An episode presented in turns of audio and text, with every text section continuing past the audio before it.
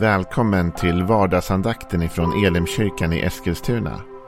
Det här är en podcast som kommer ut måndagar till fredagar. Om du vill veta mer om vilka vi är, vad vi tror på, hur du kan komma i kontakt med oss eller vad vi kan erbjuda dig för någonting så gå in på www.elimkyrkan.com. Du får jättegärna gå in och likea vår Facebook-sida. Det är facebook.com elimeskilstuna. Eller så söker du upp oss på YouTube och då söker du på Elimkyrkan Eskilstuna. Vi vill jättegärna komma i kontakt med dig. Men nu lyssnar vi till dagens andakt. Välkommen till vardagsandakten. Det är onsdag idag. Och då vill jag som vanligt på onsdagar få inbjuda dig att ta del av vår mirakelonsdag som sänds live ifrån Elimkyrkan ikväll klockan 19.00. Du kan kolla via Facebook. Gå in på eh, facebook.com elimeskilstuna eller via YouTube. Söker upp Elimkyrkan och 19.00 kan du vara med för en timmes bön och lovsång. Du kan skriva in till oss då live, eh, bönämnen och annat och vi ber för dig. Du kan skriva in i förväg också så kan vi ta med och be. Du kan också titta efteråt om du inte kan se just när vi sänder live. Det ligger ju kvar. Så häng med, var en stund med oss. Vi håller på att titta på Jesaja. Hämta massa lärdomar där ur Jesaja bok. Och eh, igår så talade vi om att ifrån eh, Jesaja 54 så talade vi om att att komma vidare, att, att, för han som har skapat det är din man. Eh, Herren Sebot är hans namn. Idag så vill jag fortsätta på den versen med en väldigt viktig mening. Så här står det. För han som har skapat dig är din man. Herren Sebaot är hans namn. Israels helige är din återlösare. Han som kallas hela jordens Gud. Israels helige är din återlösare. Han som kallas hela jordens Gud. Det är Jesaja 54 och vers 5. Återlösare. Den här bilden fångar ju kanske det mest centrala nästan i den kristna tron. Det som har med eh, försoning att göra och återlösning att göra. Bilden är ju liksom av ett folk som, som har fallit. Som nu ska bli åt och få upprättas igen. Jag har tänkt många gånger att det mest centrala nästan i den kristna tron handlar om upprättelse. Att Gud upprättar en fallen mänsklighet. Du känner säkert till berättelsen. Den är ju tidigt i Bibeln. Om Adam och Eva som får bud av Gud som de bryter emot. Ett enda bud. Men de bryter emot det. och Relationen med Gud skadas och synden kommer in i världen och påverkar och skadar världen. Och relationen framförallt mellan Gud och människa. Och människan blir fången kan man säga av denna synd. Tills dess Jesus kommer som en återlösare. Men vi kommer till det mer om en stund. Den här kvinnan som det talas om i den här Jesaja 54 är en ofruktsam kvinna. Som inte kan föda barn. Och vi har redan sagt det många gånger men det handlar egentligen inte om en kvinna utan här handlar det om ett folk, Israels folk. Som inte kunde göra, inte var förmögna att göra det de borde och föda det liv de skulle. Men så kommer det då talet om, om mannen Herren Sebaot som också är återlösaren. Och vi skulle kunna stanna upp vid Israels helige men jag pausar det, tar det en annan dag och fokuserar mer på återlösaren.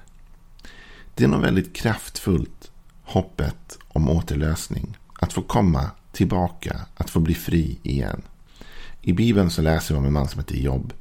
Han hade ett otroligt svårt liv. Till en, till en period i alla fall av sitt liv. Han hade egentligen i det stora hela ett fantastiskt liv. Han hade mycket framgång, han var lyckad, han var den rikaste mannen på den eh, delen av världen. Och han var, eh, hade, allting gick väl tills han kom i en krissituation. Där han förlorar sin rikedom, han förlorar stor del av sin familj. Mycket tragedi, mycket ångest. Och vi kan följa det i hans bok. Och vid ett av de tillfällena så, så i allting som han brottas med så säger han ändå en vers som betytt så mycket för så många människor.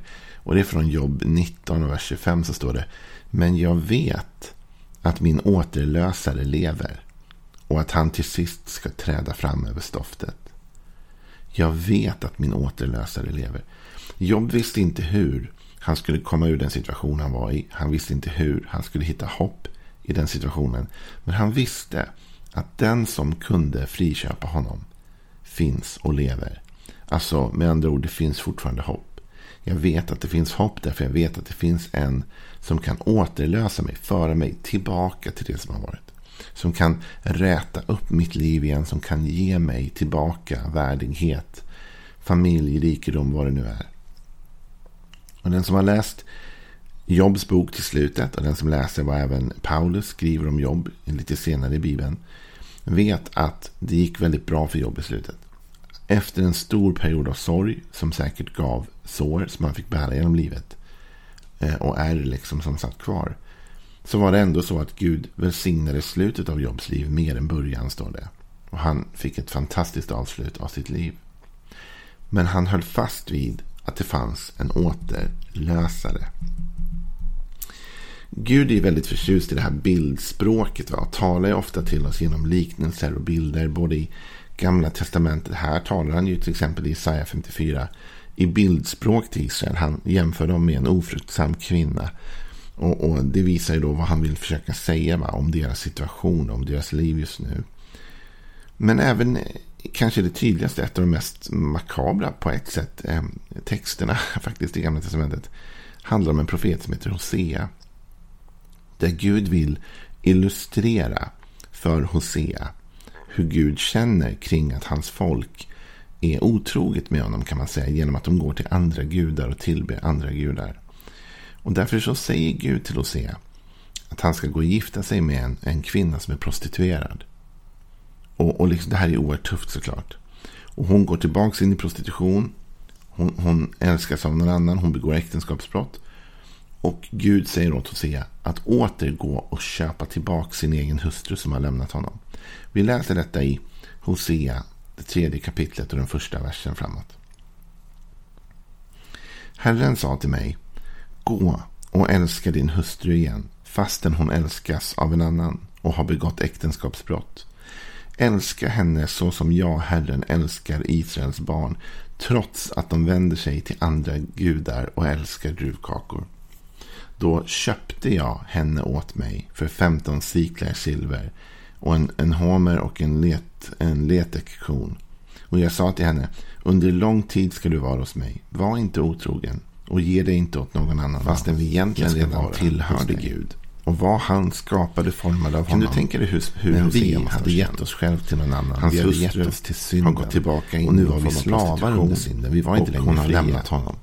Utan och enda sättet att få henne tillbaka att gå och köpa och Gud henne behövde tillbaka. köpa tillbaka Hon är någon sorts slav sitt eget folk. Sin egen hustru. Och se får gå och betala för sin egen hustru. Och det måste vara en oerhört smärtsam känsla. Igen. Att egentligen det som tillhör en har man förlorat. När han äger den här bilden. Hur han man måste betala tillbaka sitt högt, högt, högt pris. Det är det det handlar om. Det handlar om egentligen en förebild. Jag tror att den här bilden med Jesus som går och köper Jesus tillbaka sin hustru. Betalar priset. Som någon annan nu har tagit över och för att köpa tillbaka. Fast den egentligen är det Hoseas hustru måste vara en väldigt talande bild va, för oss. Hur ont och smärtsamt det här måste ha varit. Och jobbigt. Och att den här återlösningen har kostat någonting. Ibland tänker vi bara så enkelt på detta. men jag är fri. Gud har, han har köpt mig fri från synden. Han har återlöst mig. Ja, det har han gjort. Och han har betalat ett oerhört högt pris för detta. Förknippat med oerhört stor sorg och smärta. Jag menar, det som visas tycker jag tydligt med berättelsen om Hosea det är inte bara att Hosea får betala pengar för att få tillbaka eller få en hustru. Utan det är den emotionella delen av att hans hustru tillhör någon annan och han måste gå och betala ett pris för att få tillbaka sin egen hustru som någon har snott ifrån honom. Det är så orättvist, det är så orättfärdigt, eller hur på ett sätt? Och likadant här var synden snodde oss till sig. Och Gud var tvungen att betala priset för att få oss tillbaka. Oavsett om vi varit skärmade in i det själva, oavsett om vi valde den vägen så hamnade vi i ett slaveri som vi aldrig hade kunnat förutse. Om Adam och Eva hade förstått konsekvenserna av att äta den frukten, verkligen förstått det och tagit det till sig, hade de aldrig ätit av den. För det slaveri som de hamnade i var så fruktansvärt. Slaveriet av synden och dess konsekvenser. Som fortfarande härjar och plågar vår värld. Men det finns en återlösare. Och Job sa det. En sak vet jag att min återlösare, han lever.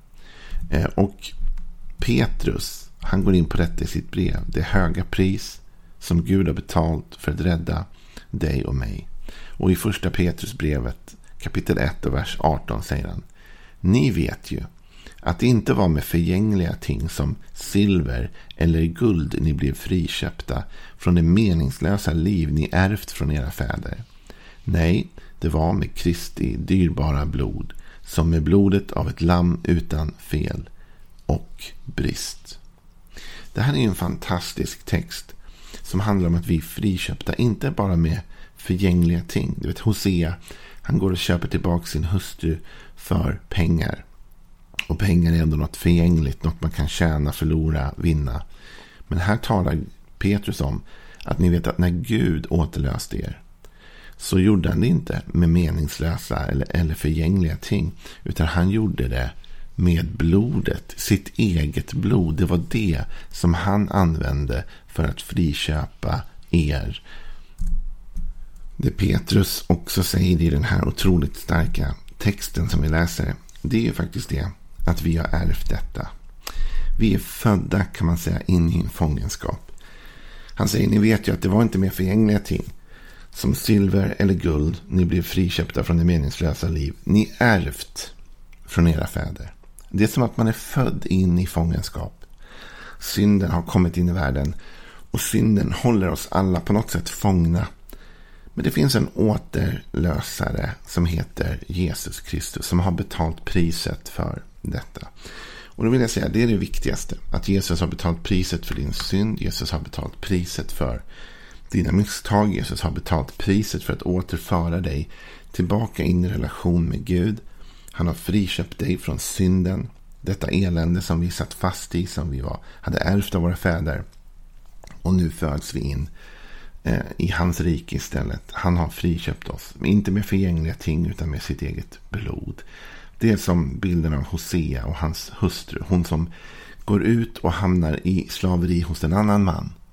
Och Hosea får gå och köpa tillbaka sin egen hustru. Vi föll in i slaveri hos en annan man kan man säga. Men vår man, och vi är Kristi brud vår man, han har friköpt oss tillbaka. Han har återlöst oss.